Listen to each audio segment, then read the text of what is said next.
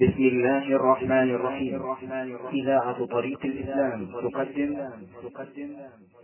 هذا أيها الإخوة هو الشريط السابع والثلاثون من شرح رياض الصالحين.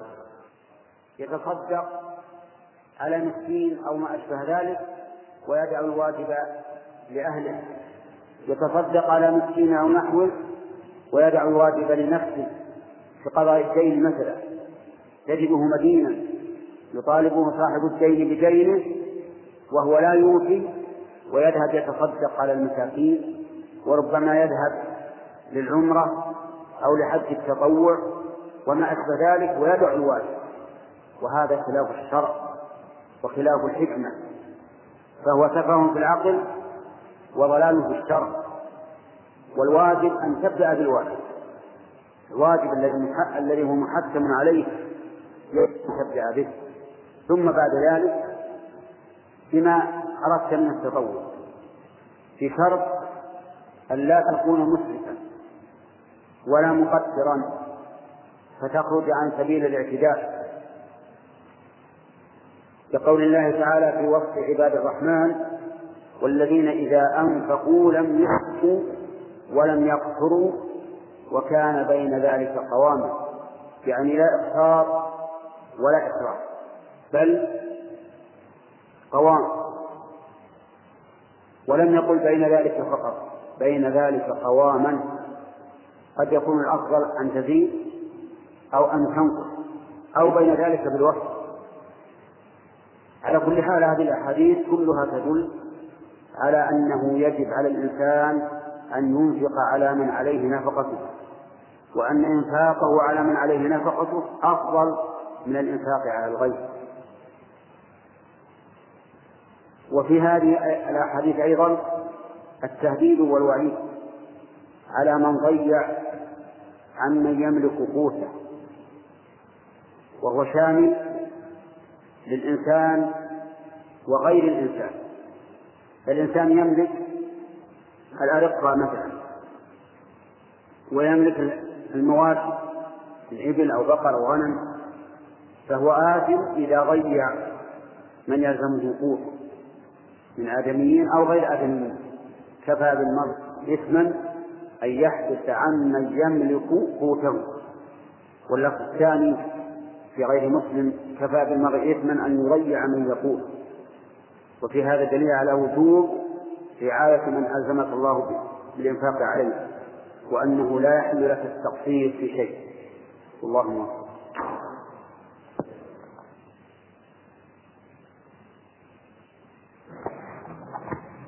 بسم الله الرحمن الرحيم. الحمد لله رب العالمين والصلاة والسلام على نبينا محمد وعلى آله وصحبه أجمعين. قال المؤلف رحمه الله تعالى باب الإنفاق مما يحب ومن الجيد. قال الله تعالى لن تنالوا البر حتى تنفقوا مما تحبون. وقال تعالى يا أيها الذين آمنوا أنفقوا من طيبات ما كسبتم ومما أخرجنا لكم من الأرض ولا تيمموا الخبيث منه تنفقون.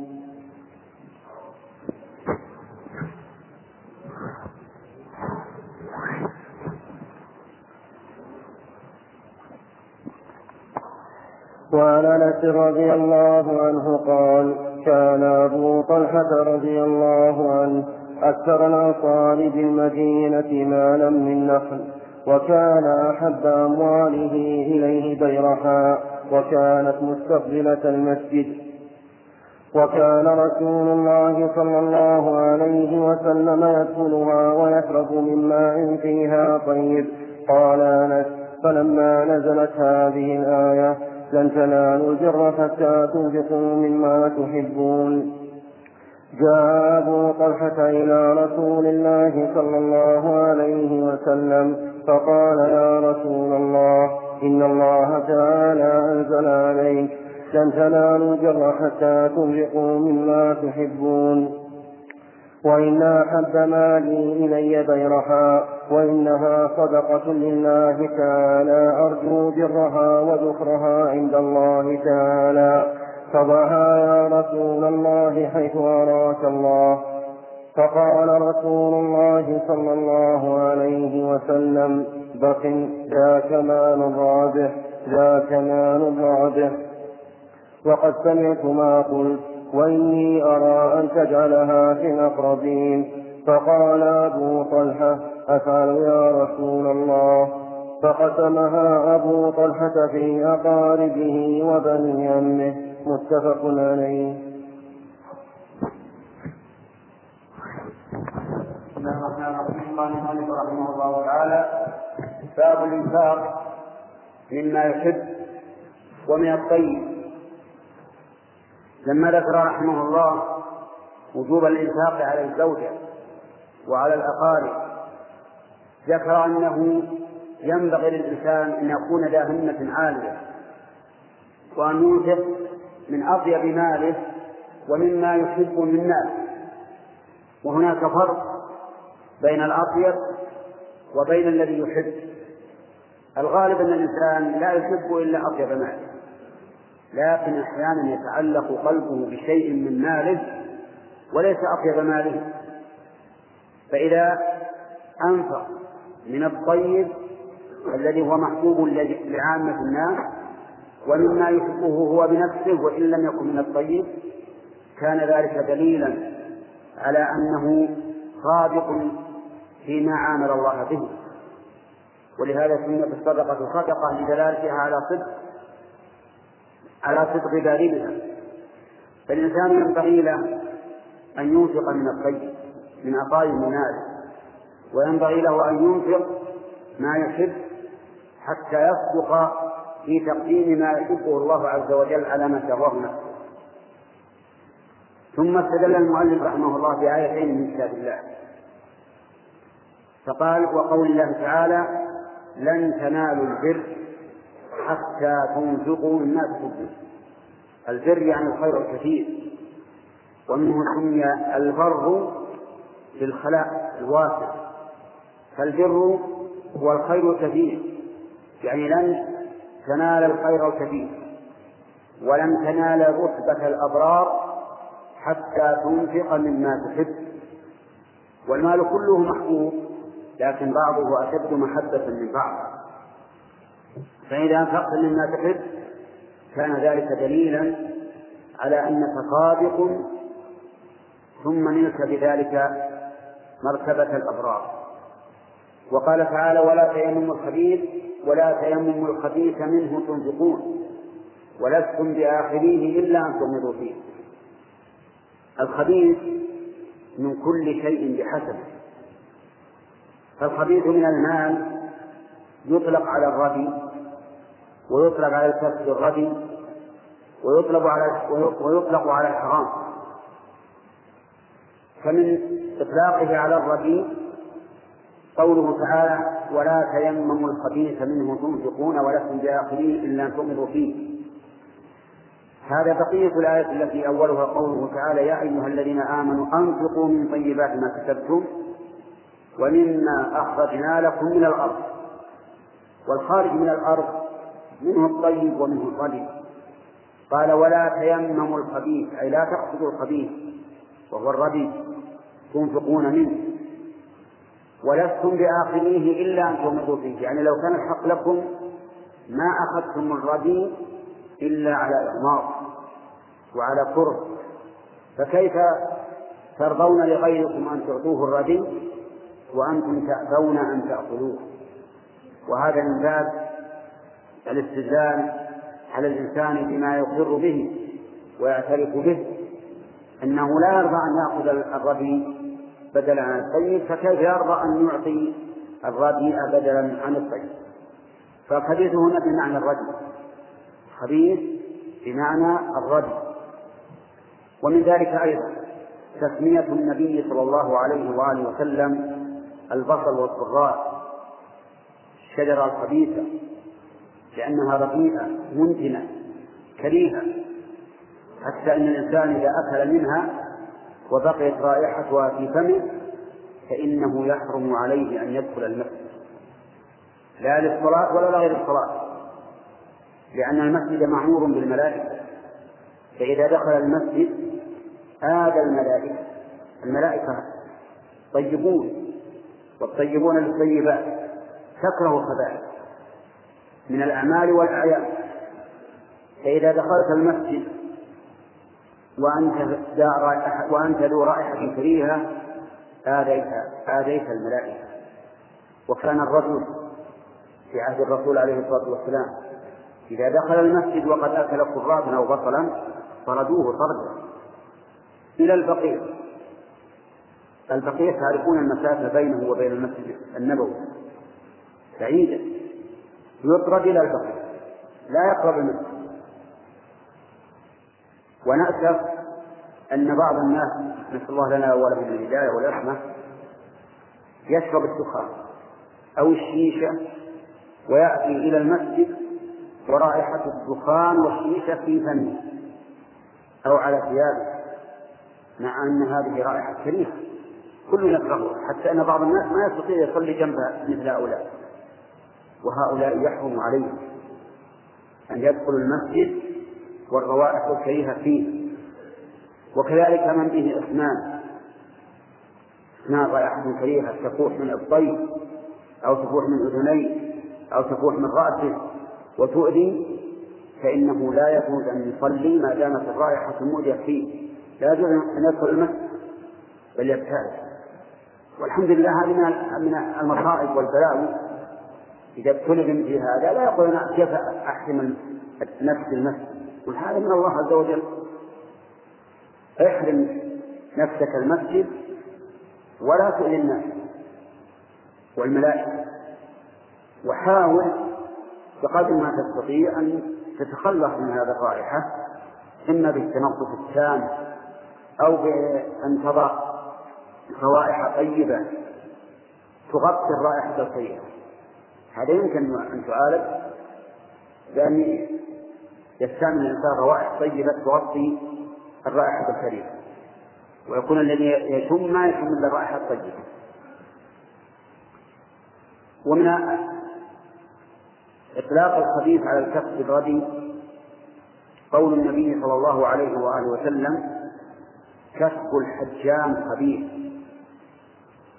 الحجام الذي يخرج الدم بالحجامة هذا كسبه خبيث يعني ردي وليس المراد أنه حرام.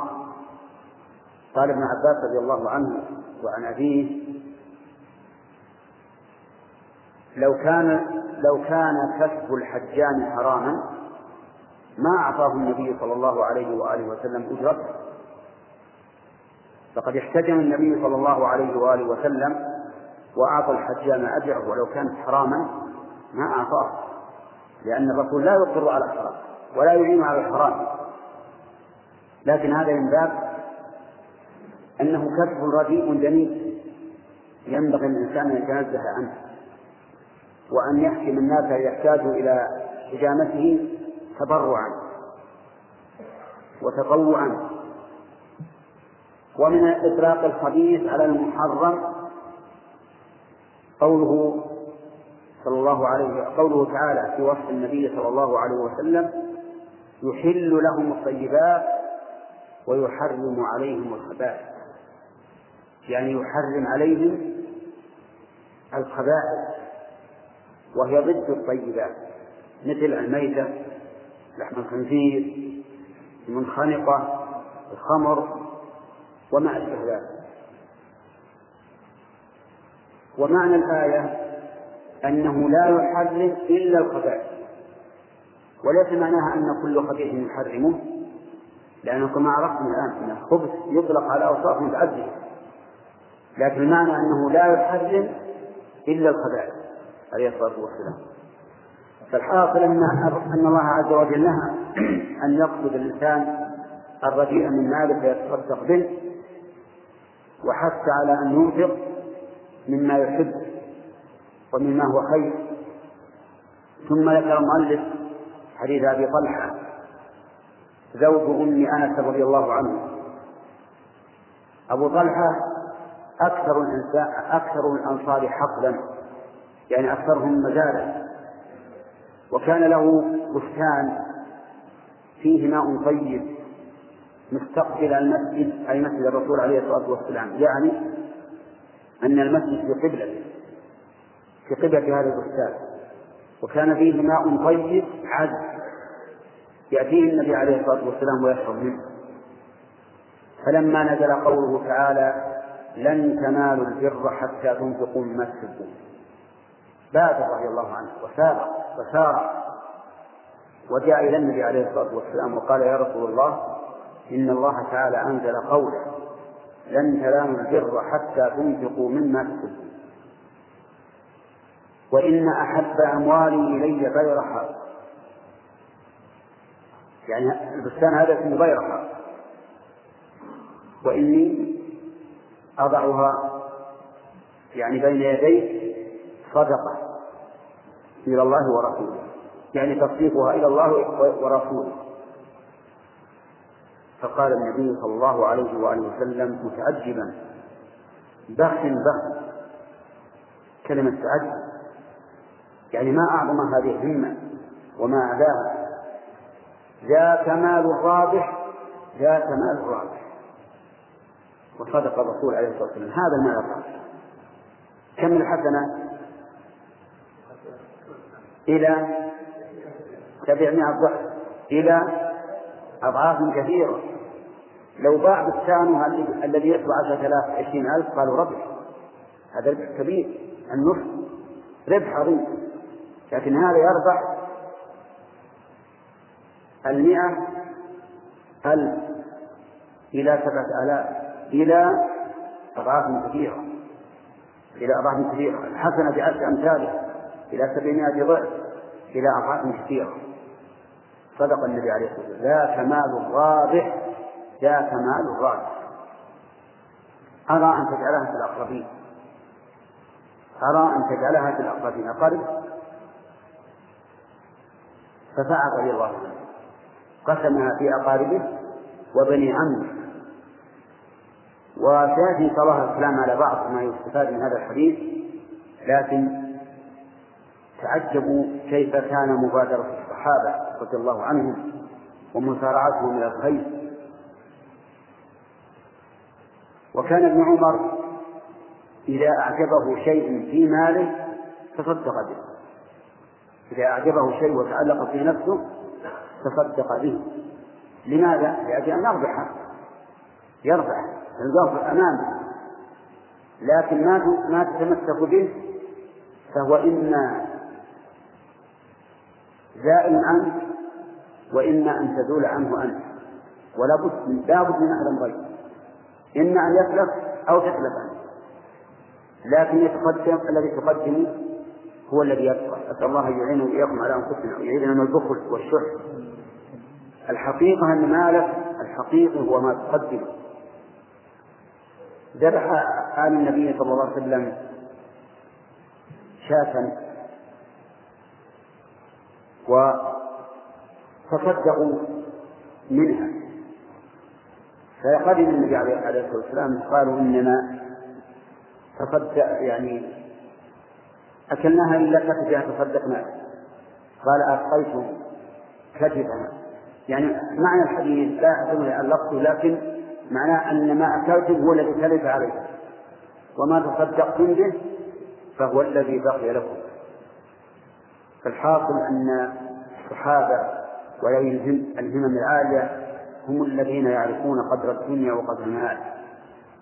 وأن ما قدموه هو الباقي وما أبقوه هو الثاني نسأل الله أن يعيذنا وإياكم من البخل والشح والجبن والكسل. والحمد لله رب العالمين.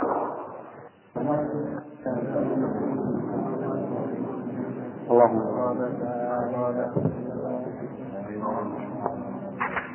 بسم الله الرحمن الرحيم. الحمد لله رب العالمين والصلاة والسلام على نبينا محمد وعلى آله وصحبه أجمعين. نقل المؤلف رحمه الله تعالى عن أنس بن مالك رضي الله عنه قال كان أبو طلحة رضي الله عنه أكثر الأنصار بالمدينة مالا من نخل وكان أحب أمواله إليه بيرحاء وكانت مستقبلة المسجد. وكان رسول الله صلى الله عليه وسلم يدخلها ويشرب من ماء فيها طيب. قال أنس فلما نزلت هذه الآية لن تنالوا البر حتى تنفقوا مما تحبون. جاء أبو طلحة إلى رسول الله صلى الله عليه وسلم فقال يا رسول الله إن الله تعالى أنزل عليك لن تنالوا البر حتى تنفقوا مما تحبون وإن أحب مالي إلي بيرحاء وإنها صدقة لله تعالى. أرجو برها وذكرها عند الله تعالى.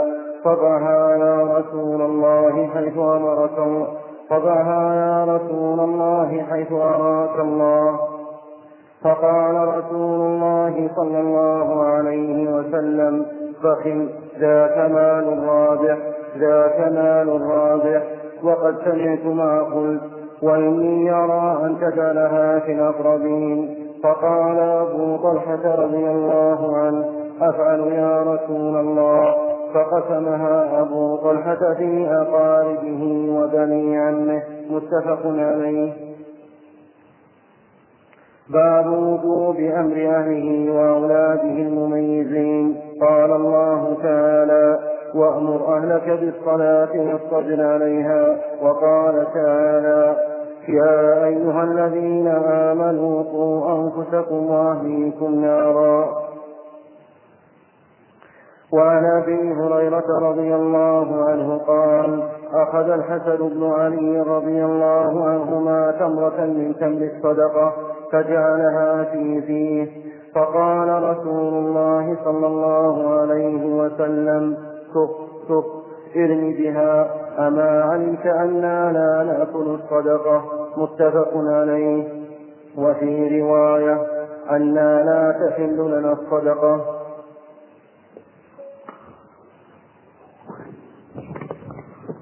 بسم الله الرحمن الرحيم. سبق الكلام على حديث أبي طلحة رضي الله عنه. ثم قال المؤلف باب وجوب أهل أمر أهله بالصلاه إذا كانوا وأولاده إذا كانوا مميزين. وجه المناسبة أن المؤلف رحمه الله لما ذكر ما يجب للأهل من من غذاء الجسم ذكر لهم ما يجب من غذاء الروح على أبيهم ومن له ولاية عليهم وأولى ما يؤمر به وأوجب وأفضل هي الصلاة. كما قال الله تعالى لنبيه محمد صلى الله عليه وآله وسلم وأمر أهلك بالصلاة واصطبر عليها لا نسألك رزقا. نحن نرزقك والعاقبة للتقوى. فأمره أن يأمر أهله بالصلاة. والأهل كل من في البيت من زوجة وبن وبن وعمة وخالة وأم كل اللي في البيت أهل. أمره أن يأمرهم بالصلاة وأمرهم أن يصطبر عليه. يعني يحج نفسه على الصبر. ولهذا جاءت التاء التي فيها زيادة الجنية وفيها زيادة المعنى. اصطبر لأن أصلها اصطبر عليها. وذكر الله عن إسماعيل أبي محمد عليه الصلاة والسلام لأنه أحد أجداده أنه كان يأمر أهله بالصلاة والزكاة وكان عند ربه مرضيا. فالإنسان مسؤول عن أهله مسؤول عن تربيتهم حتى ولو كانوا صغارا إذا كانوا مميزين. أما غير المميز فإنه يؤمر بما يتحمله عقله. ثم ذكر حديث الحسن بن علي بن أبي طالب رضي الله عنهما أنه أخذ تمرة من الصدقة فجعلها في فيه فقال النبي صلى الله عليه وسلم كخ كخ يعني أنها لا تصلح لك ثم أمره أن يخرجها من فيه وقال إننا لا تحل لنا الصدقة. فالصدقة لا تحل لآل محمد وذلك لأنهم أشرف الناس والصدقات الزكوات أوساخ الناس ولا يتنافى لأشرف الناس أن أن يأخذوا أوساخ الناس. كما قال النبي عليه الصلاة والسلام لعمه العباس بن عبد المطلب رضي الله عنه إن آل محمد لا تحل لنا الصدقة إنما هي أوساخ الناس. ففي هذا دليل على أن الإنسان يجب عليه أن يؤدب أولاده. عن فعل المحرم كما يجب عليه أن يؤدبهم على فعل الواجب والله موفق.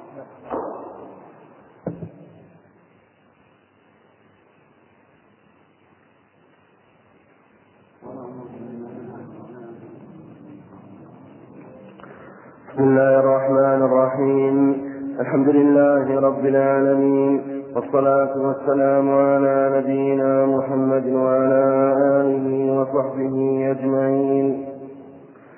نقل المؤلف رحمه الله تعالى عن عمر بن أبي سلمة رضي الله عنه قال كنت غلاما في حج رسول الله صلى الله عليه وسلم وكانت يدي تطيش في الصحفة فقال لي رسول الله صلى الله عليه وسلم يا غلام سم الله تعالى وكل بيمينك وكل مما يليك فما زالت تلك طعمتي بعد متفق عليه.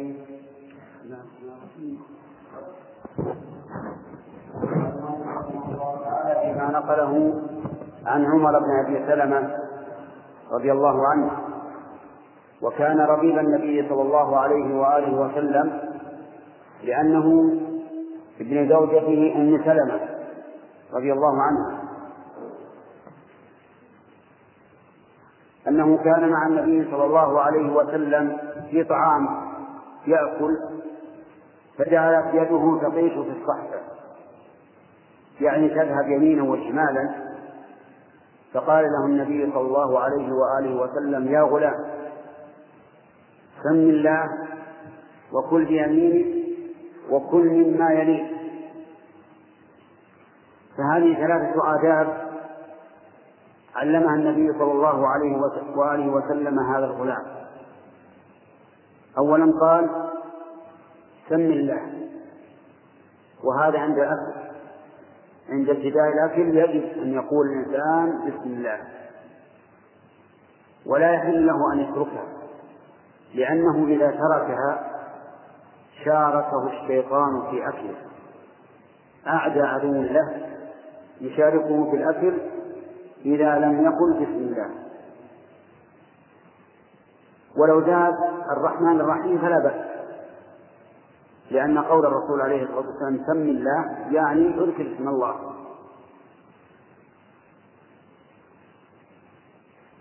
والتسمية الكاملة هي أن يقول الإنسان بسم الله الرحمن الرحيم كما ابتدأ الله بها كتابه.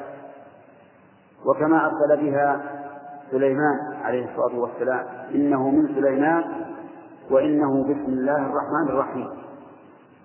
فإن اقتصرت على قول بسم الله فلا حرج. وإن زدت الرحمن الرحيم فلا حرج. الأمر في هذا واسع. وأما التثنية على الذبيحة فهي شرط من شروط التذكية إذا لم تسمي على الذبيحة فهي حرام. ميت. كأنما ماتت بغير ذبح ولكن العلماء يقولون لا ينبغي أن يقول بسم الله الرحمن الرحيم لأنه الآن يريد أن يذبحها. فالفعل ينافي القول. بالنسبة لهذه الذبيحة لأنها ستذبح. هكذا علل بعض العلماء. ولكن لو قالها أيضا فلا حرج. يا غلام سم الله وكل بيمينك. وهذا أمر على سبيل الوجوب. فيجب على الإنسان أن يأكل بيمينه وأن يشرب بيمينه. لأن النبي صلى الله عليه وسلم نهى أن يأكل الإنسان بشماله أو أن يشرب بشماله. وقال إن الشيطان يفعل هذا. فإن الشيطان يأكل بشماله ويشرب بشماله. وقد نهينا عن اتباع خطوات الشيطان. قال الله تعالى يا أيها الذين آمنوا لا تتبعوا خطوات الشيطان. ومن يتبع خطوات الشيطان فإنه يأمر بالفحشاء والمنكر. ولهذا كان قول الراجح وجوب الأكل باليمين ووجوب الأكل باليمين والشرب باليمين. وجوب الأكل باليمين ووجوب الشرب باليمين وأن الأكل بالشمال أو الشرب بالشمال حرام. ثم إن الأكل بالشمال والشرب بالشمال مع كونه من هدي الشيطان فهو أيضا من هدي الكفار. لأن الكفار يأكلون بشمائلهم ويشربون بشمائلهم. يقول بعض الناس إذا كان على الأكل وأراد أن يشرب يمسك الكأس باليسار ويشرب. يقول أخشى أن تتلوث الكأس إذا شربت باليمين. فنقول ولتتلوث إذا تلوثت فإنما تلوثت بطعام. لم تتلوث ببول ولا غائط تلوثت بطعام ثم تغسل. وأمسك الكأس من الأسفل بين إبهامك والسبابة. اجعلها كالحلقة ولا يتلوث منه إلا شيء يسير. ولا عذر لأحد بالشرب بالشمال من أجل هذا لأن المسألة على سبيل التحريم والحرام لا يجوز إلا عند الضرورة. الضرورة مثل أن تكون اليد اليمنى كلا. لا يمكن أن يرفعها إلى فيه هذا ضرورة أو مكسورة. لا يمكن أن يرفعها إلى فيه فهذا ضرورة. أو تكون متجرحة. لا يمكن أن يأكل بها أو يشرب. المهم إذا كان ضرورة فلا بأس باليسار وإلا فلا يحل أن يشرب باليسار ولا أن يأكل باليسار. الأدب الثالث قال وكل مما يليك. يعني لا تأكل من حافة غيرك كل من الذي يليك. لأنك إذا اعتديت على حافة غيرك فهذا سوء أدب. فكل من الذي يليك. إلا إذا كان الطعام أنواعا مثل أن يكون فيه لحم في غير الذي يليك فلا بأس أن تأكل. أو يكون فيه قرع أو ما أشبه ذلك مما يقصد فلا بأس أن تأكل من الذي لا يليك لأن أنس بن مالك رضي الله عنه قال أكلت مع النبي صلى الله عليه وآله وسلم فكان يتتبع الدب الدب القرع يتتبع يعني لبقة من على الصحفة ليأكله. هذا لا بأس به. وفي هذا الحديث من الفوائد أنه ينبغي للإنسان أن يؤدب أولاده على كيفية الأكل والشرب وعلى ما ينبغي أن يقول في الأكل والشرب كما فعل النبي صلى الله عليه وآله وسلم بأبيه وفي هذا حسن خلق النبي صلى الله عليه وآله وسلم وتعليمه لأنه لم لم يزجر هذا الغلام حين جعلت يده تطيش في الصحفة ولكن علمه علمه برفق قال يا غلام ناداه برفق يا غلام سم الله وكل بيمينه وليعلم أن تعليم الصغار بمثل هذه الآداب لا ينسى يعني أن الطفل لا ينسى إذا علمته وهو صغير لكن إذا كبر ربما ينسى إذا علمته. ويصعب عليك وأيضا ربما يتمرد عليك بعض الشيء إذا كبر لكن ما دام صغيرا وعلمته يكون أقبل. ومن اتقى الله في أولاده اتقوا الله فيه. ومن ضيع حق أولاده ضيعوا حقه إذا احتاج إليهم. والله أعلم.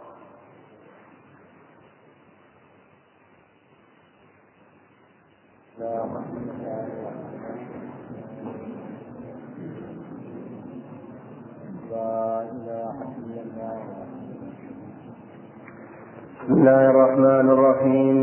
الحمد لله رب العالمين والصلاة والسلام على نبينا محمد وعلى آله وصحبه أجمعين. نقل المؤلف رحمه الله تعالى عن عمرو بن شعيب عن أبيه عن جده رضي الله عنه قال قال رسول الله صلى الله عليه وسلم مروا أولادكم بالصلاة وهم أبناء سبع سنين. واضربوهم عليها وهم أبناء عشر.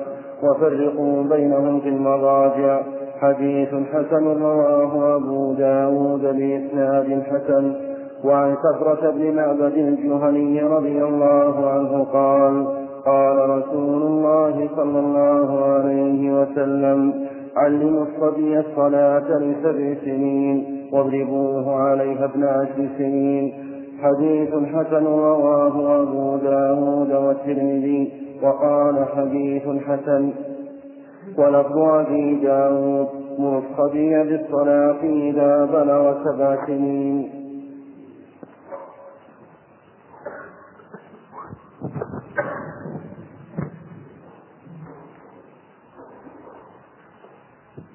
بسم الله الرحمن الرحيم. قال المؤلف رحمه الله تعالى فيما نقله عن عمرو بن شعيب عن أبيه عن جده أن رسول الله صلى الله عليه وآله وسلم قال أمروا أولادكم للصلاة بالصلاة وهم أبناء سبع سنين.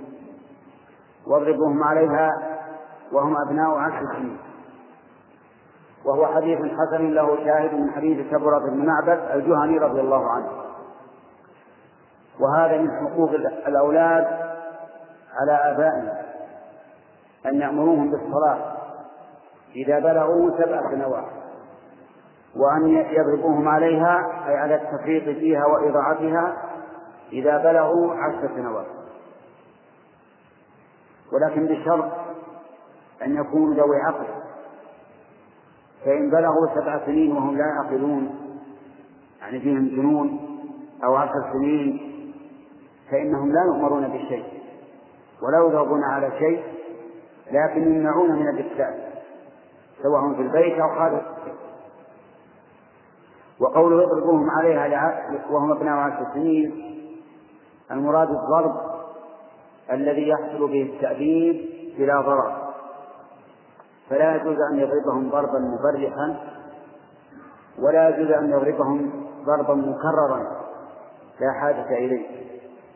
بل إذا احتاج إليه بحيث لا يقوم بالصلاة إلا بالضرب فإنه يضربه ضربا غير مبرح ضربا معتادا. لأن النبي صلى الله عليه وآله وسلم إنما أمر بضربهم لا لا لإثمهم ولكن لتأديبهم وتقويمهم. وفي هذا الحديث إشارة إلى أن ما ذهب إليه بعض المتأخرين ممن يدعون أنهم أصحاب تربية.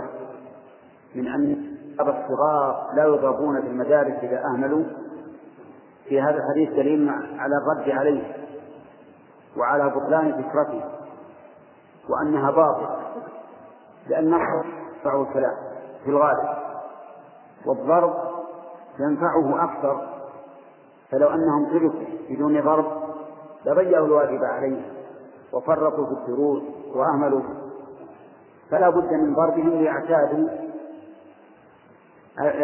النظام ويقوموا بما يجب بما ينبغي أن يقوموا به. وإلا لصارت المسألة فوضى إلا أنه كما قلنا لابد أن يكون الضرب للتأديب لا للإيلاء والإيجاع. فيضرب ضربا يليق بحاله ضرب غير مبرر. لا يفعل كما يفعل بعض المعلمين في الزمن السابق. يضرب الضرب العظيم الموجب ولا يهمل كما يدعي هؤلاء المربون الذين هم من أبعد الناس عن التربية لا يقال له شيء لأن الصبي لا يمتثل ولا يعرف لكن برضه يؤدي. والله أعلم. اللهم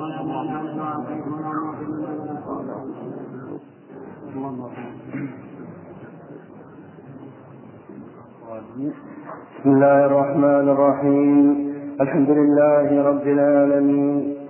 والصلاة والسلام على نبينا محمد وعلى آله وصحبه أجمعين. قال رحمه الله تعالى حق الجار والوصية به. قال الله تعالى واعبدوا الله ولا تشركوا به شيئا وبالوالدين إحسانا. وبذي القربى واليتامى والمساكين والجار ذي القربى والجار الجنوب والصاحب ذي الجنب وابن السبيل وما ملكت أيمانكم وعن عبد الله بن عمر رضي الله عنهما قال قال رسول الله صلى الله عليه وسلم ما زال جبريل يوصيني بالجار حتى ظننت أنه سيورث. متفق عليه.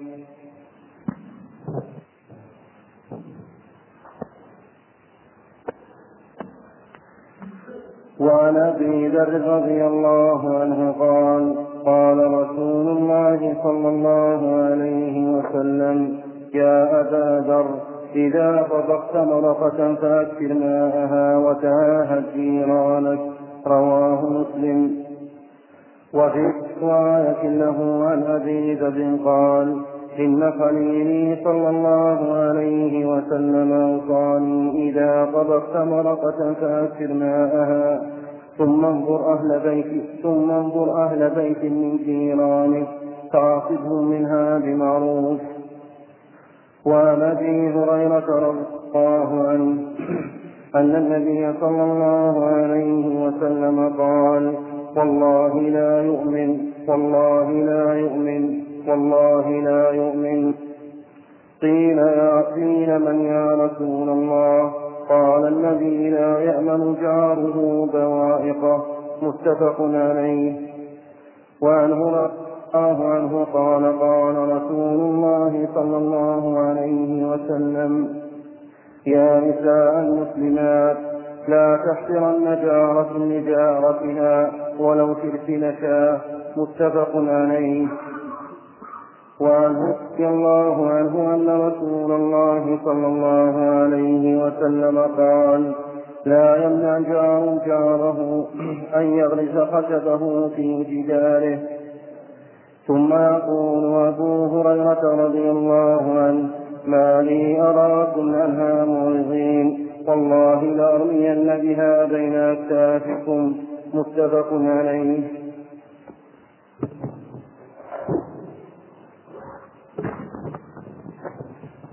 بسم الله الرحمن الرحيم. قال المؤلف رحمه الله تعالى باب حق الجار والوصية به. الجار هو الملاصق لك في بيتك والقريب من ذلك.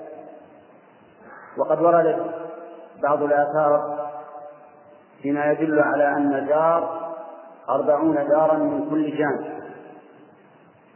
ولا شك أن الملاصق للبيت لا شك أنه جار.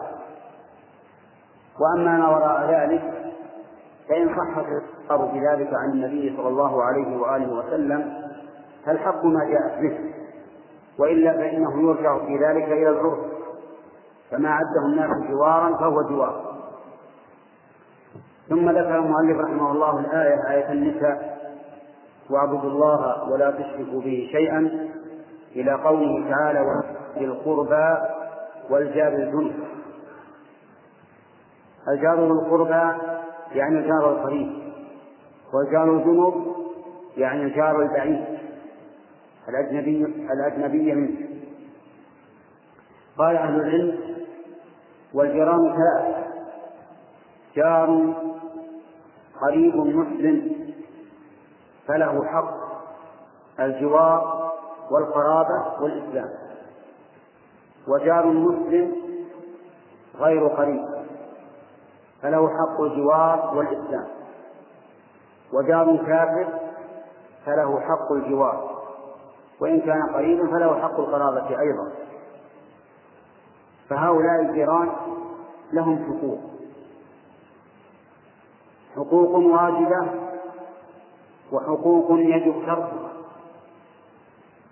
ثم ذكر المؤلف ثلاثة أحاديث. بل أربعة أحاديث أو خمسة عن ابن عمر وعن أبي ذر وعن أبي هريرة.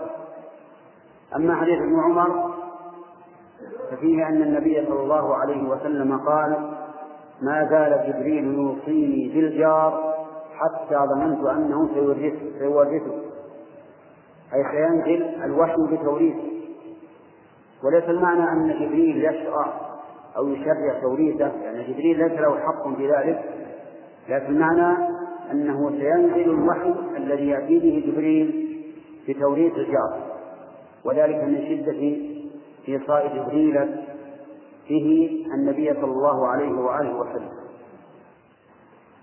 وأما حديث أبي ذر ففيه أن الإنسان ينبغي له إذا وسع الله عليه برزق أن يصيب منه جاره بعض الشيء بالمعروف حيث قال عليه الصلاة والسلام إذا طبخت مرقة فأكثر ماءها وتعاهد جيرانك أكثر ماءها يعني زدها في الماء لتكثر وتوزع على جيرانك منها. والمرقة عادة تكون من اللحم أو من أو من غيره مما يقتدم به. وهكذا أيضا إذا كان عندك طعام غير المرق أو شراب كفضل اللبن مثلا فضل الرطب ومع السهل ينبغي لك أن تعاهد جيرانك به لأن لهم حقا عليك. وأما حديث أبي هريرة حديث أبي هريرة ففيها أن النبي صلى الله عليه وسلم أقسم ثلاث مرات. فقال والله لا يؤمن والله لا يؤمن والله لا يؤمن. قالوا من يا رسول الله؟ قال من جاره بوائق يعني غدره وخيانته وظلمه وعدوانه. فالذي لا يأمن جاره من ذلك ليس بمؤمن. وإذا كان يفعل ذلك ويوقعه فعلا فهو أشد. وفي هذا دليل على تحريم العدوان على الجار. سواء كان ذلك بالقول أو بالفعل. أما في القول فأن يسمع منه ما يزعجه ويقلقه. كالذين يفتحون أو التلفزيون أو غيرها أو غيرهما مما يسمع فيزعج الجيران. فإن هذا لا يحل له. حتى فتحوا على كتاب الله وهو مما يزعج الجيران بصوته فإنه معجل عليه. ولا يحل له أن أن يفعل ذلك. وأن سيكون بإلقاء الكناسة الكناسة حول بابه والتضييق عليه عند مداخل بابه أو أو أو بالدق أو ما أشبه ذلك مما يضره ومن هذا أيضا إذا كان له نخلة أو شجرة حول جدار جاره فكان يسقيها حتى يؤذي جاره بهذا السقي فإن ذلك من بوائق الجار فلا يحل له. فإذا يحرم على الجار أن يؤذي جاره بأي شيء. فإن فعل فإنه ليس بمؤمن. والمعنى أنه ليس متصفا بصفات المؤمنين في هذه المسألة التي خالف فيها الحق. وأما الحق الثالث ما ذكره في حديث أبي هريرة أن النبي صلى الله عليه وسلم قال لا يمنعن جار جاره أن يغلق خشبه على جداره يعني إذا كان جارك يريد أن يسقف بيته ووضع الخشب على الجدار فإنه لا يحل لك منعه لأن وضع الخشب على الجدار لا يضر بل يزيده قوة ويمنع السيل منه ولا سيما فيما سبق. حيث كانت البناء حيث كان البناء من فإن الخشب يمنع هطول المطر على الجدار فيحميه وهو أيضا يشد ويقويه. ففيه مصلحة للجار وفيه مصلحة للجدار. فلا يحل للجار أن يمنع جاره من وضع الخشب على جداره. وإن فعل ومنع فإنه يجبر على أن يوضع الخشب رغما على أنه ولهذا أبو هريرة ما لي أراكم عنها معرضين والله لأرمين بها بين أفساد يعني من لم يمكن من وضع الخشب على جداره وضعناه بين على على متن جسده بين أفساد وهذا قاله رضي الله عنه حين كان أميرا على المدينة في زمن مروان. بن الحسن فإن أبا هريرة كان أميرا على المدينة فكان يقول الناس هذا المقال. وهذا نظير ما قاله أمير المؤمنين عمر بن الخطاب التاجرة التي بين التي جرت بين محمد بن مسلم وجاره حيث أراد أن يجري الماء من بستانه إلى إلى بستانه وحال بينه وبينه بستان جار فمنع لا تمشي الماء مع أرضه. فترافع إلى عمر فقال والله لئن منعته لأجرينه على بطنه. وألزمه أن يجري الماء لأن إجراء الماء ليس فيه ضرر. البستان كل بستان جرى فإذا جرى الماء الساقي انتفعت الأرض. وانتفع ما حول الساقي من الزرع. وانتفع الزرع. نعم لو كان الجار يريد أن يبنيها بناء وقال لا أريد أن تمشي الماء على الأرض فله المنع. أما إذا كان يريد أن يزرعها فالماء لا يزيده إلا خيرا. فصارت حقوق الجيران يجب الإحسان إليهم بقدر الإنسان ويحكم الاعتداء عليهم بأي عدوان. وفي الحديث الصحيح عن النبي عليه الصلاة والسلام أنه قال من كان يؤمن بالله واليوم الآخر فليكرم جاره اللهم أكبر أما بعد فإن من آيات الله عز وجل هذا المطر الذي ينزل من السماء ولو اجتمع أهل الأرض على أن يخلقوا منه منه قطرة واحدة ما استطاعوا إلى ذلك سبيلا. ولكن الله سبحانه وتعالى بقدرته يقول له كن فيكون. فيرسل الرياح بشرا بين يدي رحمته وتثير السحاب فيبسطه في السماء كيف يشاء ويجعله كسفا متراكبا بعضه فوق بعض كالجبال. فترى الوضع يخرج من خلاله. ثم إن هذا السحاب العظيم الذي يحمل المياه الكثيرة التي لا يعلم قدر وزنها إلا الذي خلقها عز وجل. هذا السحاب يحدث منه هذا الرعد الشديد وهذا البرق اللامع الذي يكون بقدرة الله عز وجل. قال بعض العلماء في الفيزياء وما يتعلق بها قالوا إن اللمعة الواحدة من البرق تعادل كل طاقات الدنيا التي يعملها الإنسان وهي تحدث بهذه اللحظة كما تشاهدون وربما وأحيانا تكون متلاحقة حتى إذا كانت الليل كأن الإنسان يمشي في ضوء القمر من شدة تلاحقها وتتابعها كل هذا من قدرة الله عز وجل. هو الذي يريكم البرق خوفا وطمعا وينشئ السحاب الثقال. وقد ذكر بعض العلماء أنك إذا رأيت البرق فقل سبحان الله وبحمده. وإذا سمعت الرعد فقل سبحان الذي يسبح الرعد بحمده والملائكة من خيفته. وهذا ذكر لا بأس به ولكنه لم تثبت فيه سنة عن النبي صلى الله عليه وآله وسلم. فإذا قاله الإنسان فلا فلا بأس ويرجى أن يكون نافعا وإن تركه فلا بأس. وإن قال مثلا إذا رأى البرق لانعا والرعد شديدا واستعاذ بالله من شره وقال اللهم إني أعوذ بك من شره وما أشبه ذلك من الكلمات التي يقولها الإنسان عند الخوف فهذا أيضا مما وردت السنة في أصله وجنسه وإن كانت لم ترد بعينه والحاصل أننا ولله الحمد في هذا اليوم كما شاهدتم مطرنا مطرا غزيرا ولله الحمد. وقبله قبل يومين كذلك فعلينا أن نشكر الله على هذه النعمة. كما أنه أيضا أراني بعض الناس نشرة اليوم هذه آه، تدل على أن عامة مدن القصيم ولله الحمد نطق وسكور وجاي كلها ولله الحمد قد سالت وحدثني أيضا بعض الإخوة أنه قد سالت الأودية وادي النساء والوادي الذي يليه. كل هذا من نعمة الله فنسأل الله أن يزيد من فضله وأن يجعله طيبا نافعا. وأن يغيث القلوب والبلاد والعباد. نعم؟ على ما يعرف كل شيء على ما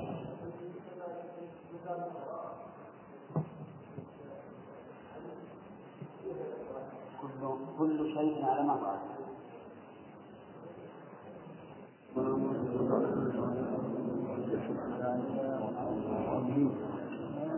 بسم الله الرحمن الرحيم. الحمد لله رب العالمين والصلاة والسلام على نبينا محمد وعلى آله وصحبه أجمعين.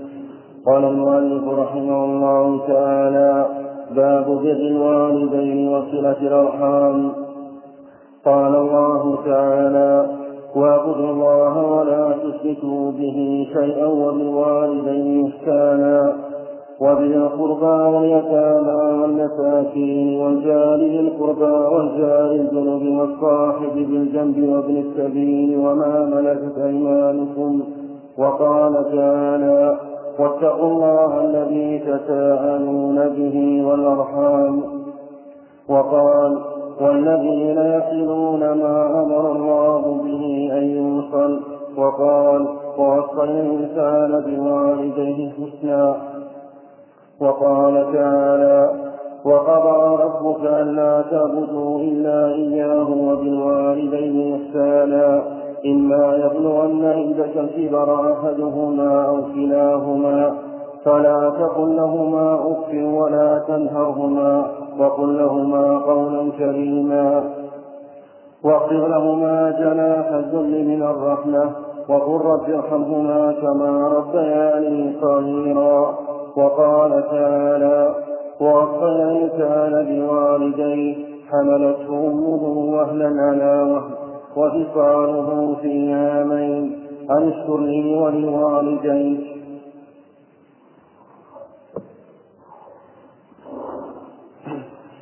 وعن عبد الله بن مسعود رضي الله عنه قال سألت النبي صلى الله عليه وسلم أي العمل أحب إلى الله تعالى؟ قال الصلاة على وقتها قلت ثم أي. قال بر الوالدين. قلت ثم أي. قال الجهاد في سبيل الله.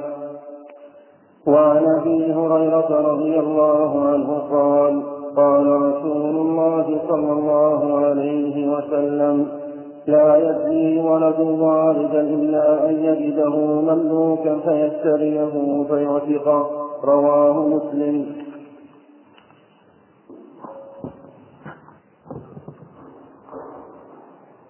بسم الله الرحمن الرحيم. قال المؤلف رحمه الله تعالى باب بر الوالدين وصلة الأرحام. الوالدان هم الأب والأم. وعبر بالبر اتباعا لما جاء بالنص. عبر في حق الوالدين بالبر اتباعا لما جاء في النص وعبر عن صلة الأرحام بالصلة لأنه هكذا جاء أيضا بالنص. والأرحام هم القرابة. وبر الوالدين من أفضل الأعمال بل هو الحق الثاني بعد حق الله ورسوله. وذكر المؤلف رحمه الله تعالى آيات كثيرة في هذا المعنى كقوله تعالى واعبدوا الله ولا تشركوا به شيئا وبالوالدين إحسانا وقال تعالى وقضى ربك ألا تعبدوا إلا إياه وبالوالدين إحسانا وقال تعالى ووصينا الإنسان بولديه حسنا وقال تعالى ووصينا الإنسان بولديه حملته أمه وهنا على وهن وفصاله في عامين أن اشكر لي ولوالديك إلي المصير. وقال تعالى إما يبلغن عندك الكبر أحدهما أو كلاهما فلا تقل لهما أف ولا تنهرهما وقل لهما قولا كريما واخفض لهما جناح الذل من الرحمة وقل رب ارحمهما كما ربياني صغيرا. وكل هذه الآيات وغيرها تدل على عظم حق الوالدين.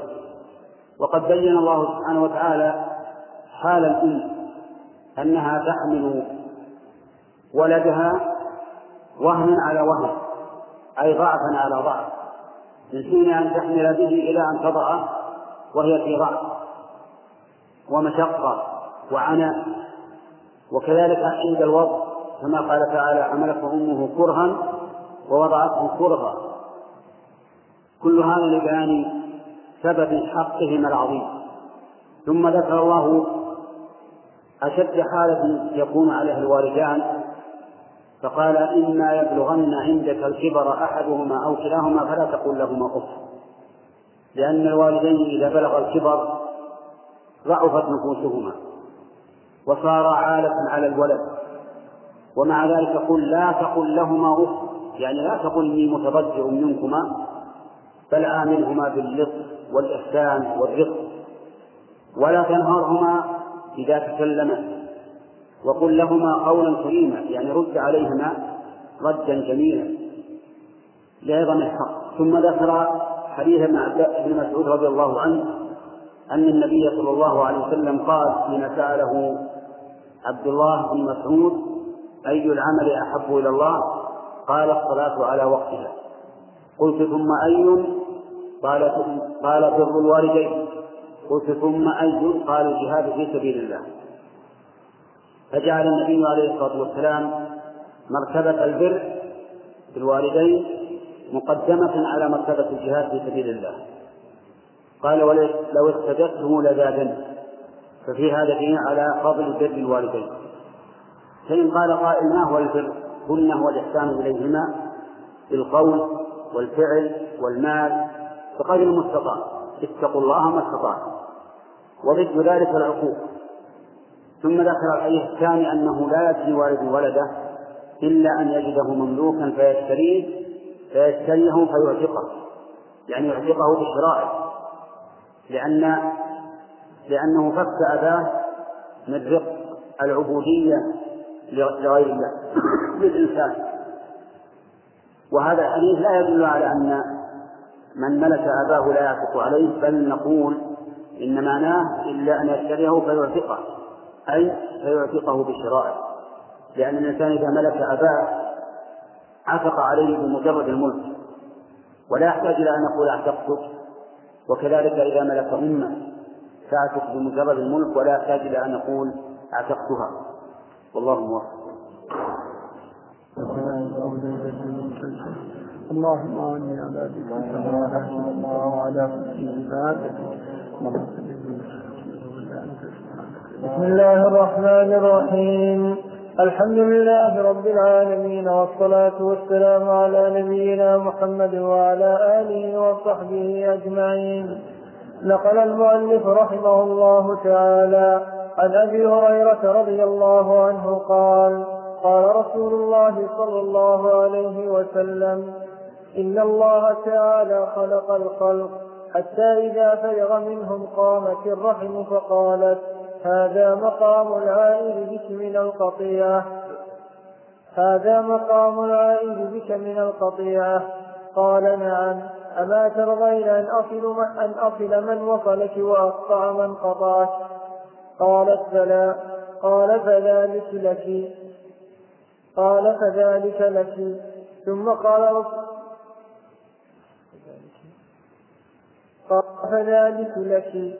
ثم قال رسول الله صلى الله عليه وسلم اقرأوا إن شئتم فهل عسيتم إن توليتم أن تفسدوا في الأرض وتقطعوا أرحامكم؟ أولئك الذين لعن أولئك الذين لعنهم الله فأصمهم وأعمى أبصارهم. متفق عليه. وفي رواية للبخاري فقال الله تعالى من وصلك وصلته ومن قطعك قطعته. وعن أبي هريرة رضي الله عنه قال جاء رجل إلى رسول الله صلى الله عليه وسلم فقال يا رسول الله من أحق الناس من أحق الناس بحسن صحابتي؟ قال أمك. قال ثم من؟ قال أمك. قال ثم من؟ قال أمك. قال ثم من؟ قال أبوك. متفق عليه. وفي رواية يا رسول الله من أحق من أحق بحسن الصحبة؟ قال أمك ثم أمك ثم أمك ثم أباك ثم أدناك أدناك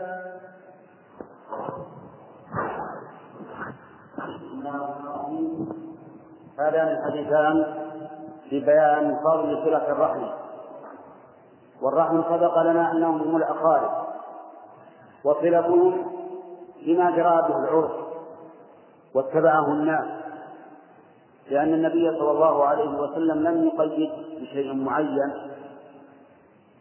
لم يقيد بأن يأكلوا معك أو يشربوا معك أو يقتصوا معك أو يسكنوا معك أطلق.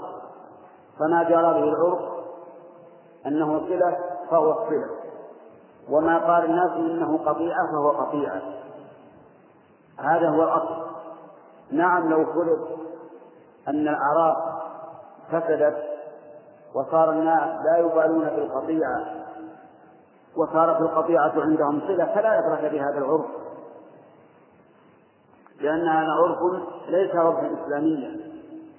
فإن الدول الكافرة الآن لا تتلاءم أسرها ولا ولا يعرف بعضهم بعضا. حتى أن الإنسان إذا شب ولده وكبر صار مثله مثل الرجل الأجنبي الذي لا يعرف أن له أبا. لأنهم لا يعرفون صلة الأرحام ولا يعرفون حسن الجوار وكل أمورهم فوضى فاسدة. لأن الكفر دمرهم تدميرا والعياذ بالله. لكن كلامنا على المجتمع المسلم المحافظ فما عده الناس صلة فهو صلة وما عدوه قطيعة فهو قطيعة. وفي الحديث حديث أبي هريرة الأول أن الله سبحانه وتعالى تكفل للرحمة بأن يصل من وصلها ويقطع من قطعها وفي هذا حث وترغيب في صلة الرحم. إذا أردت أن يصلك الله وكل إنسان يريد أن يصله ربه فصل رحمه. وإذا أردت أن يقطعك الله فاقطع رحمه. جزاء وفاقا. وكلما كان الإنسان لرحمه أوصل كان الله له أوصل. وكلما قصر جاءه من الثواب بقدر ما لا يك... لا لا يظلم الله أحدا. وفي الحديث الثاني في بيان من أحق الناس بحسن صحبة الإنسان. فبين النبي عليه الصلاة والسلام أن أحق الناس بذلك الأم. فأعاد عليه السؤال فقال أم ثم مرة ثانية فقال أمه ثلاث مرات. ثم بعد ذلك الأب لأن الأم حصل عليه من العناء بالنسبة للولد حصل عليه من العناء والمشقة ما لم يحصل لغيره. حملته أمه وهنا على وهن. حملته كرها ووضعته كرها وفي الليل تمهده وتهدده تهدئه حتى ينام.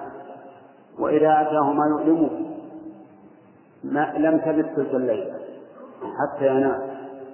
ثم إنها تفتيه بنفسها في التدفئة والتبريد عند الحر وغير ذلك. فهي أشد عناية من الأب بالطفل ولذلك كان حقها مضاعفا ثلاث مرات على حق الأب. ثم إنها أيضا ضعيفة. أنثى ما تأخذ لا تأخذ بحقها فلهذا أوصى بها النبي صلى الله عليه وآله وسلم ثلاث مرات والأب مرة واحدة. ففي ذلك الحث على أن يحسن الإنسان صحبة أمه وصحبة أبيه أيضا بقدر المستطاع. أعاننا الله وإياكم على ذلك. سلموا على نبينا محمد وعلى آله وأصحابه ومن تبعهم بإحسان إلى يوم الدين. في درس أمس ذكر المؤلف رحمه الله ما يتعلق بصلة الأرحام وهم الأقارب. وبينا أن صلة الأرحام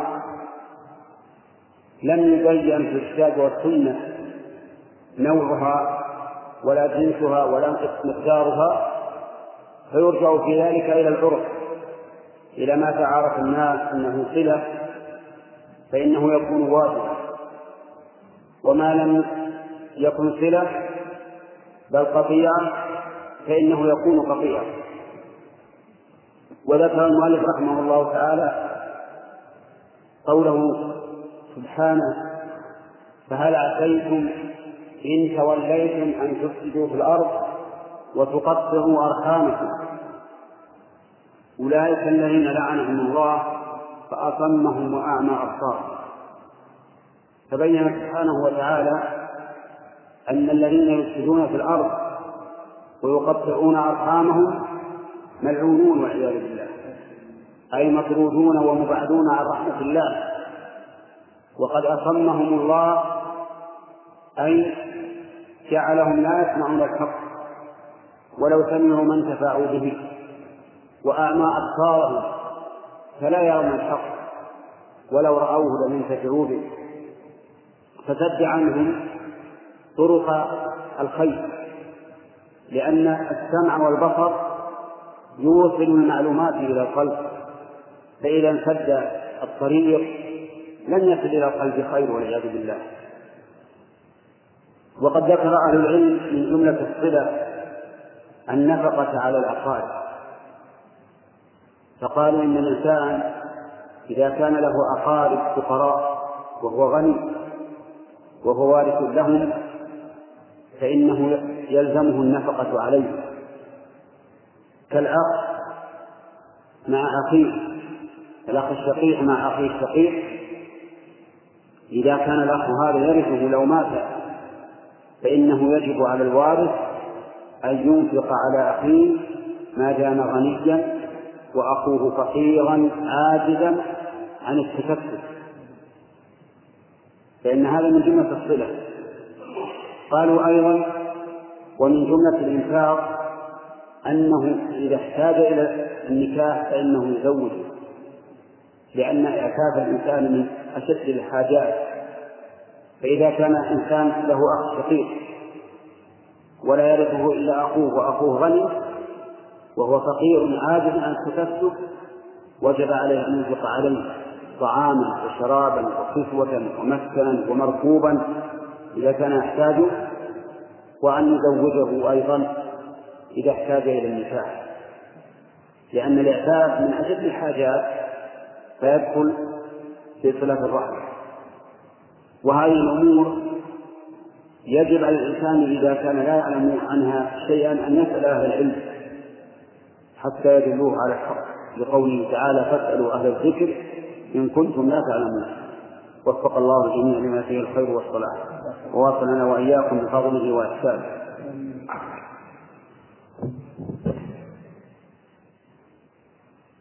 مسألة مهمة فيما يتعلق بصلاة الجماعة. وذلك أن بعض المأمومين يخالف ما جاء في ما جاء في السنة في المتابعة. فتجده يركع من حين أن يسمع كلمة الله قبل أن يصل الإمام إلى الركوع أو يسجد من حين أن يسمع التكبير قبل أن يصل الإمام إلى السجود. وهذا خلاف ما جاء عن النبي صلى الله عليه وسلم وخلاف ما كان الصحابة يفعلونه مع مع إمامهم محمد صلى الله عليه وآله وسلم. قال البراء كان النبي صلى الله عليه وآله وسلم يسجد فلا يحيي أحدنا من أحد منا ظهره حتى يقع النبي صلى الله عليه وسلم ساجدا ثم نقع سجودا ثم نقع سجودا بعده. وهذا يدل على أن الصحابة لا يبادرون. بل إن النبي صلى الله عليه وآله وسلم قال أما يخشى الذي يرفع رأسه قبل الإمام أن يجعل الله رأسه رأس حمار أو يجعل صورته صورة حمار. وهذا يدل على التحريم تحريم مسابقة الإمام ولهذا كان القول الراجح أن الإنسان إذا سابق الإمام فركع قبله أو سجد قبله عامدا فإن صلاته لا تصح لأنه فعل ما يبطله. وإذا بطلت الصلاة وجب عليه الإعادة.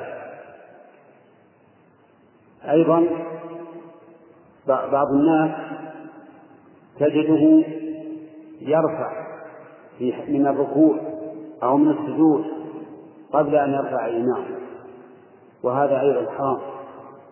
لا يجوز أن ترفع حتى تعلم أن إمامك رافع.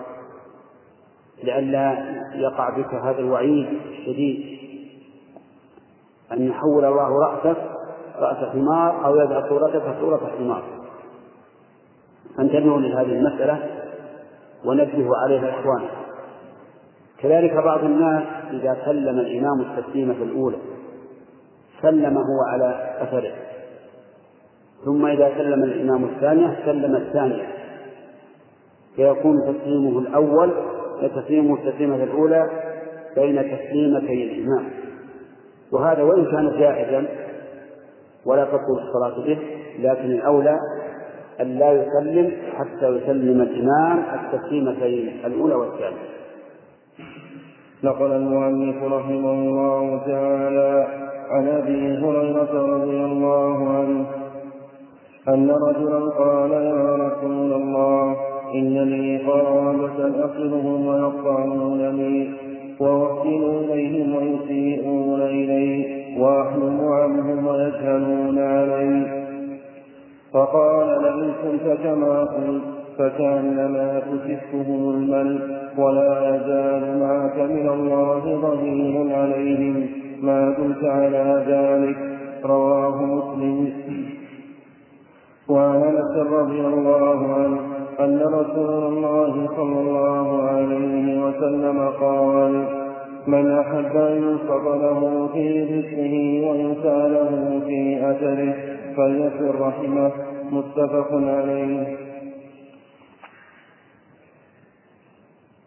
وعنه رضي الله وعن عبد الله بن عمرو بن عاص رضي الله عنه قال قال رسول الله صلى الله عليه وسلم ليس الواصل بالمكافئ ولكن الواصل الذي إذا قطعت رحمه وصلها.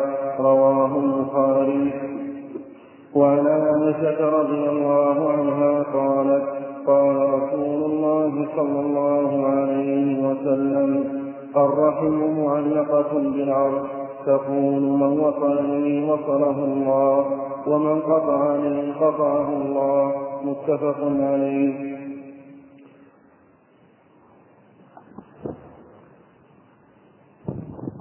بسم الله الرحمن الرحيم هذه الاحاديث في بيان فضيلة صله الرحم.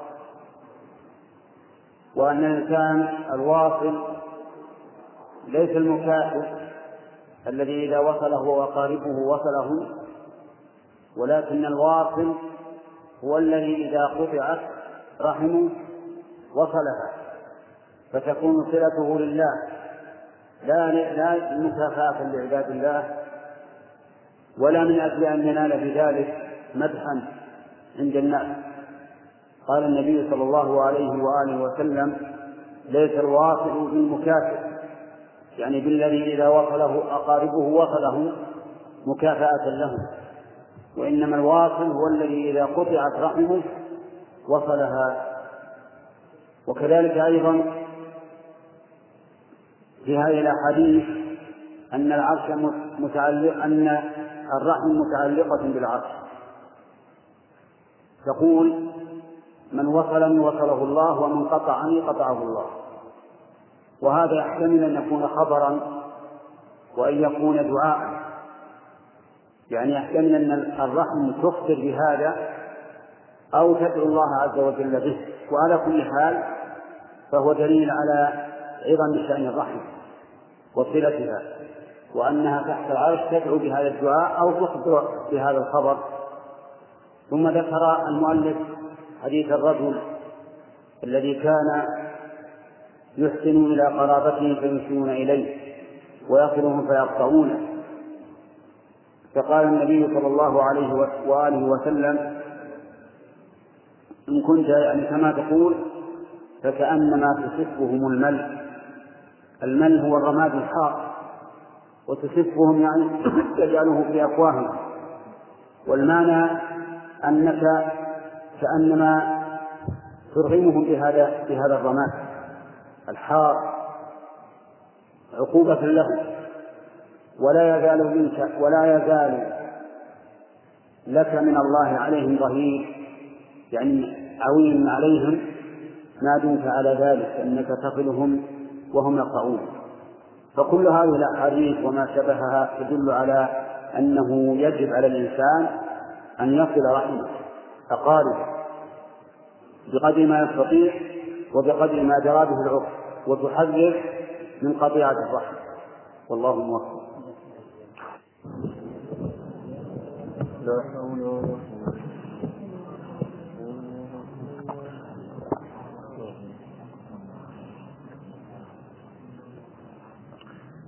بسم الله الرحمن الرحيم.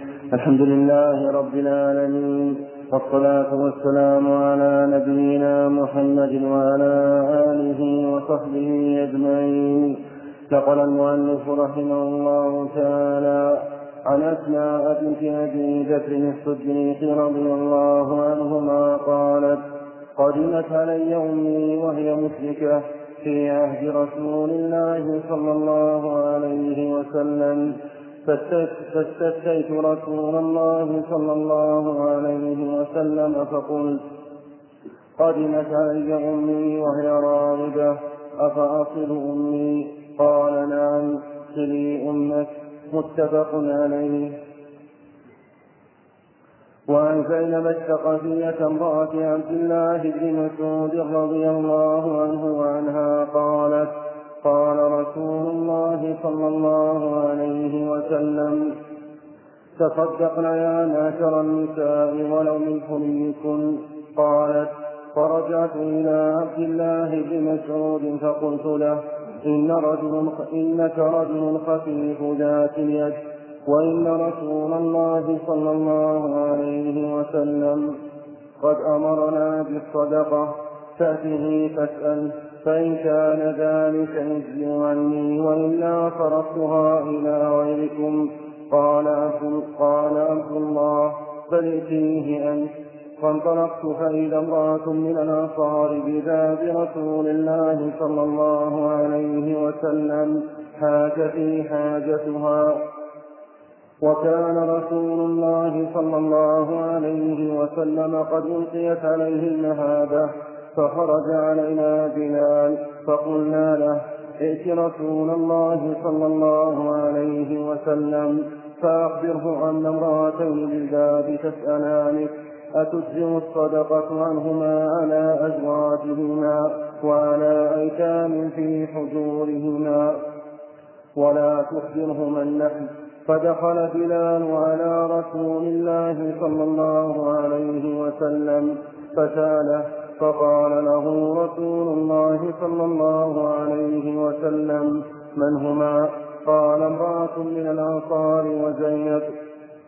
فقال رسول الله صلى الله عليه وسلم أي الزيان به؟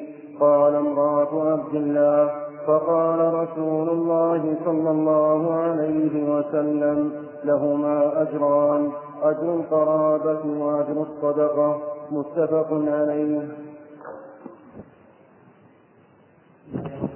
قال المؤلف فيما نقله رضي الله عن أسماء بنت أبي بكر رضي الله عنها وعن أبيها أن أن أمها قدمت عليها المدينة وهي راغبة فاستفتت النبي صلى الله عليه وآله وسلم هل تصلها أم لا. وقالت يا رسول الله إن أمي قدمت وهي راغبة أفأصلها؟ فأمرها أن تصله وقولها وهي راغبة قال بعض العلماء معناه وهي راغبة في الإسلام. فيكون الأمر بصلتها من أجل تأليفها على الإسلام. وقيل بل معنى قوله وهي راغبة أي راغبة في أن أصلها ومتطلعة إلى ذلك. فأمرها, فأمرها النبي صلى الله عليه وآله وسلم أن تصلها وهذا هو الأقرب أنها جاءت تتشوق وتتطلع إلى أن تعطيها أن تعطيها ابنتها ما شاء الله. ففي هذا دليل على أن الإنسان يصل أقاربه. ولو كانوا على على خير الإسلام لأن لهم حق القرار. ويدل لهذا قوله تعالى في سورة لقمان وإن جاهداك على أن تشرك بي ما ليس لك به علم فلا تطعهما وصاحبهما في الدنيا معروفا. المعنى إن أمرك والداك وعلى حافظ الطلب. على أن تشرك بالله فلا تطعهما لأنه لا طاعة للمخلوق في معصية الخالق ولكن صاحبهما في الدنيا معروفا. أعطهم من الدنيا ما يجب لهما من الصلة.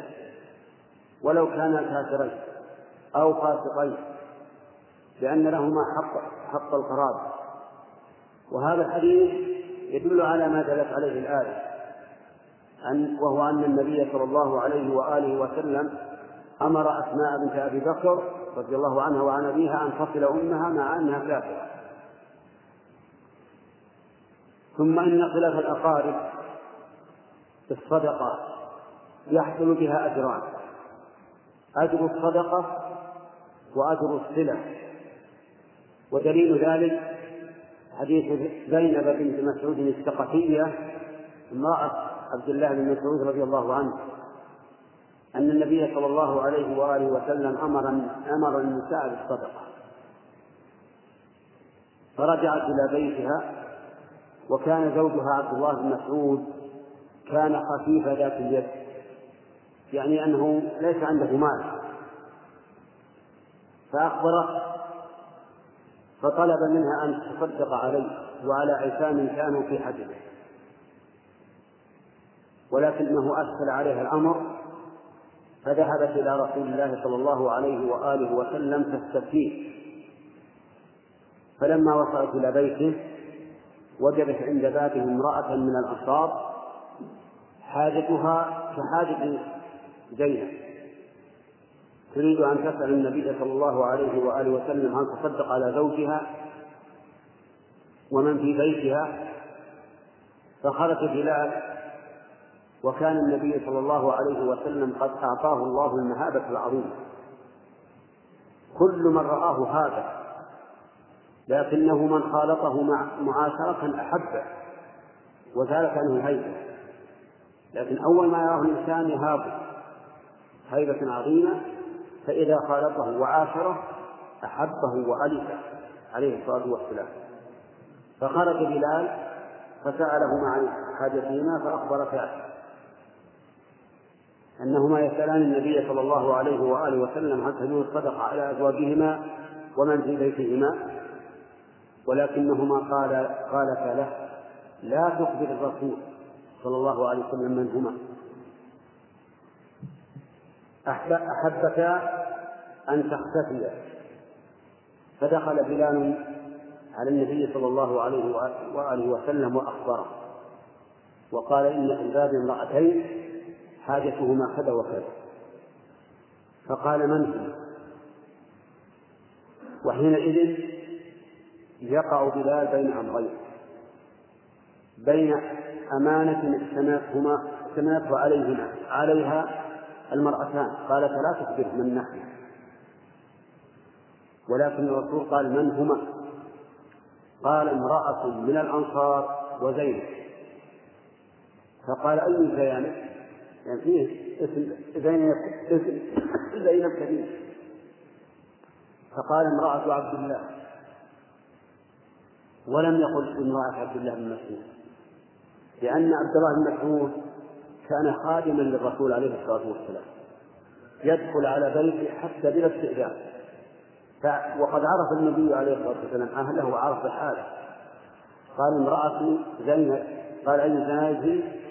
قال امرأة عبد الله. وإنما أخبره مع قوله ما له لا تطيع لأن طاعة النبي صلى الله عليه وآله وسلم واجبة. مقدمة على طاعة كل أحد فقال إن صدقتهما على هؤلاء صدقة وصلة. يعني فيها أجران أجر الصدقة وأجر الصلة. فدل ذلك على أنه يجوز للإنسان أن يتصدق على أولاده عند الحاجة ويتصدق على زوجته وكذلك الزوجة تتصدق على زوجها وأن الصدقة عليهم صدقة وصلة. أما الزكاة فإن كان مما يجب على الإنسان أن يدفعه فإنه لا يصح أن يدفع إليهما الزكاة. مثل لو كان الزكاة لدفع حاجتهما للنفقة وهو ممن تجب عليه النفقة وماله يتحمل فإنه لا يجوز له أن يعطيهما من الزكاة. أما إذا كان مما لا يجب عليه كما لو قضى دينا عن أبيه أو عن ابنه أو عن زوجته أو قضى الدين على زوجها فإن ذلك لا بأس به. إذا كان المدين حيا أما المدين الميت فلا يقطع عنه إلا تبرعا أو من التركة ولا يقطع عنه من الزكاة. والله موفق. نقل المؤلف رحمه الله تعالى عن أبي سفيان رضي الله عنه في حديثه الطويل في قصته رفض أن هرقل قال لأبي سفيان فماذا يأمركم به؟ يعني النبي صلى الله عليه وسلم. قال قلت يقول اعبدوا الله وحده ولا تشركوا به شيئا واتركوا ما يقول آباؤكم ويأمرنا بالصلاة والصدق والعفاف والصلة. متفق عليه.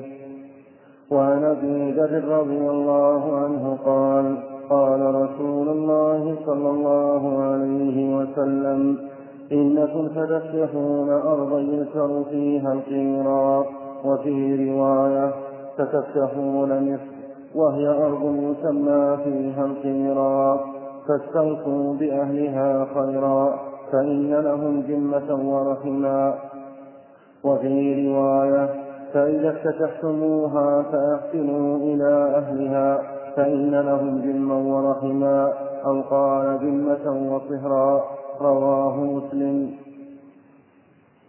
وعن أبي هريرة رضي الله عنه قال لما نزلت هذه الآية وانذر عشيرتك الأقربين جاء رسول الله صلى الله عليه وسلم قريشا فاجتمعوا فعم وخف وقال يا بني عبد شمس يا بني يا بني كعب بن لؤي أنقذوا أنفسكم من النار. يا بني مرة بن كعب أنقذوا أنفسكم من النار. يا بني عبد مناف أنقذوا أنفسكم من النار. يا بني هاشم أنقذوا أنفسكم من النار. يا بني عبد المطلب أنقذوا أنفسكم من النار. يا فاطمة أنقذي نفسك من النار. فإني لا أملك لكم من الله شيئا. غير أن لكم رحما سأظلها بجلالها. رواه مسلم. قوله صلى الله عليه وسلم بجلالها هو بفتح الباء الثانية وكسرها والجلال الماء ومعنى الحديث تاكلها تاكلها شبه قطيعتها بالحرارة تصفر بالماء وهذه تبرد بالصلة. مع تحيات إخوانكم بإذاعة طريق الإسلام والسلام عليكم ورحمة الله وبركاته.